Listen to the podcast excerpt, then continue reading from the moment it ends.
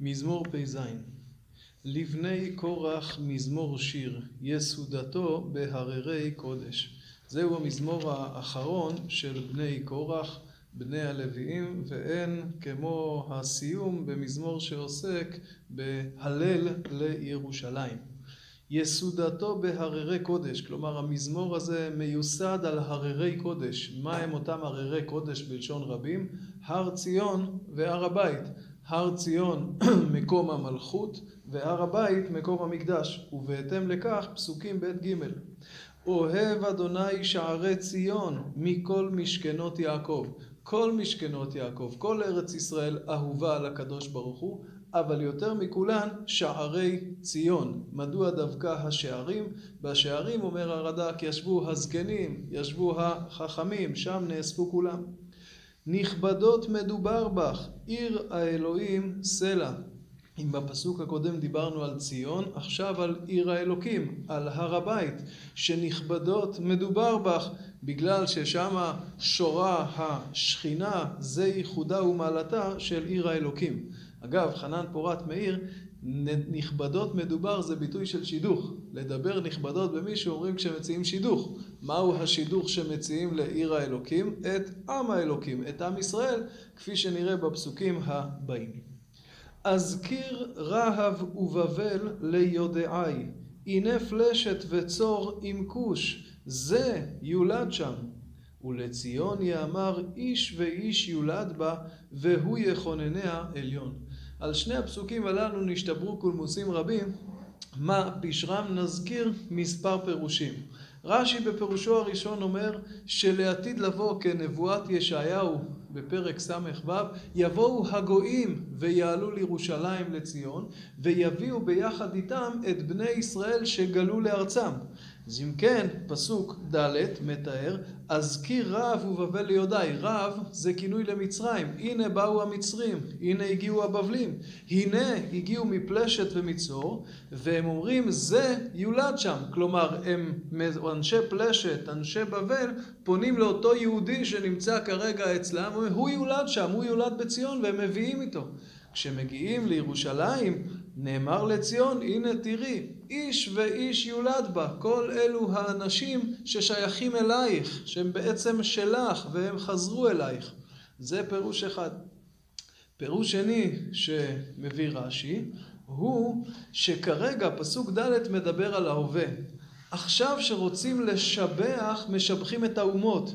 אזכיר, מזכירים את רב, את בבל, את פלשת וצור, שרוצים להצביע על אנשים מכובדים, על אומות נכבדות, מזכירים אותם.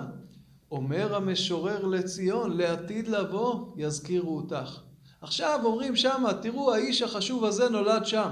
בעתיד האנשים החשובים יהיו אנשי ציון. המקום החשוב יהיה ציון. בדעת מקרא מציע הסבר מעניין שבו נחתום, שיש פה דו שיח. אומר המשורר לציון, נכבדות מדובר בך עיר האלוקים. אומרת ציון, איזה נכבדות, תראה, אני רואה פה אנשים שבאו מפלשת, אנשים שבאו מבבל, אפילו אם זה עולה רגל, אבל הם באים אליי והם חוזרים לשם, זה יולד שם.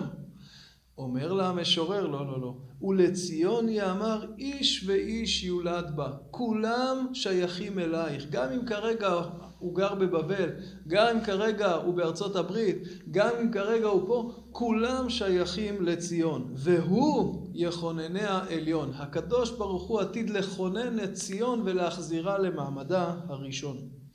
אדוני יספור בכתוב עמים, זה יולד שם סלע. כאשר הקדוש ברוך הוא יפקוד על האומות, הוא יזהה כל יהודי ויהודי שנמצא, הוא אומר הוא לא שייך לפה, הוא נולד לציון, והוא יחזיר אותו בחזרה לציון. ואז ושרים כחוללים כל מעייני בך.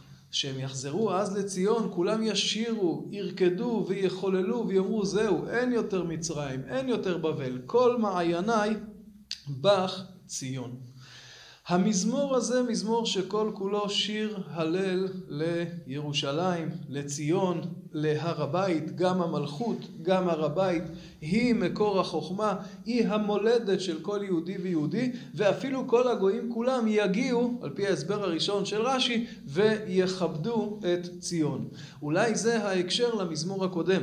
שאלנו מה עושה פה מזמור פ"ו בתוך כל מזמורי הלוויים, אבל מזמור פ"ו בתוכן שלו שייך גם לפ"ה וגם לפ"ז. הוא שייך לפ"ה כי הוא עוסק בענייני סליחה וכפרה, והוא שייך לפ"ז כי הרי היה כתוב במרכז מזמור פ"ו שלעתיד לבוא כל גויים אשר עשית יבואו וישתחוו לפניך.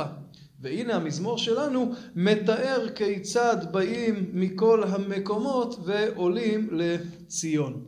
חז"ל דרשו במסכת כתובות את הכפילות איש ואיש יולד בה, אחד הנולד בה ואחד המצפה לראותה. כלומר גם יהודי שנולד בה נכר אבל מצפה לעלות לירושלים, הרי הוא כמי שנולד בה. נזכיר באגב זה את הדברים שהיו כתובים על השטרות של חמישים שקלים הישנים של, עם התמונה של ש"י עגנון, הופיע שם קטע מתוך הנאום שהוא נאם כאשר הוא קיבל את פרס נובל, וכך הוא אמר: מתוך קטסטרופה היסטורית שהחריב טיטוס את ירושלים וגלה ישראל מארצו, נולדתי אני באחת מערי הגולה. אבל בכל עת תמיד דומה הייתי עליי כמי שנולד בירושלים. בחלום בחזון לילה ראיתי את עצמי עומד עם אחיי הלוויים בבית המקדש כשאני שר עמהם שירי דוד מלך ישראל. זה ממש המזמור שלנו, שאומרים אותו בני קורח, הלוויים, ואומרים שגם אלו שעכשיו הם שם, בעצם איש ואיש יולד בה, הם אלו הנולדים בציון. ואם בחז"ל עסקינן, אז נסיים בהערה נוספת של חז"ל. הגמרא במסכת ברכות דורשת דרשה שמוציאה את הפסוק מפשוטו. אומרים חז"ל, אוהב השם שערי ציון מכל משכנות יעקב, אוהב השם שערים המצוינים בהלכה יותר מבתי כנסיות ובתי מדרישות. והיינו מיום שחרב בית המקדש אין לו לקדוש ברוך הוא אלא ארבע אמות של הלכה. פשט הפסוק מדבר על ירושלים. באו חז"ל והסבו את זה לארבע אמות של הלכה. הנקודה היא, כך אומר המסביר רב חיים מוולוז'ין בספרו נפש החיים, הנקודה היא שכשאין בית מקדש, אז מהו מקום המפגש, מקום הייחוד עם ריבונו של עולם? לימוד התורה, דרך לימוד התורה. וככה חז"ל בעצם באו והסבו, כשאין בית מקדש, את מקום המפגש אל עולם התורה, וכמובן שאנחנו שואפים לחדש את הכוונה המקורית של המזמור כפשוטו, ולחזור ולהיפגש עם ריבונו של עולם בבית המקדש. ערב טוב.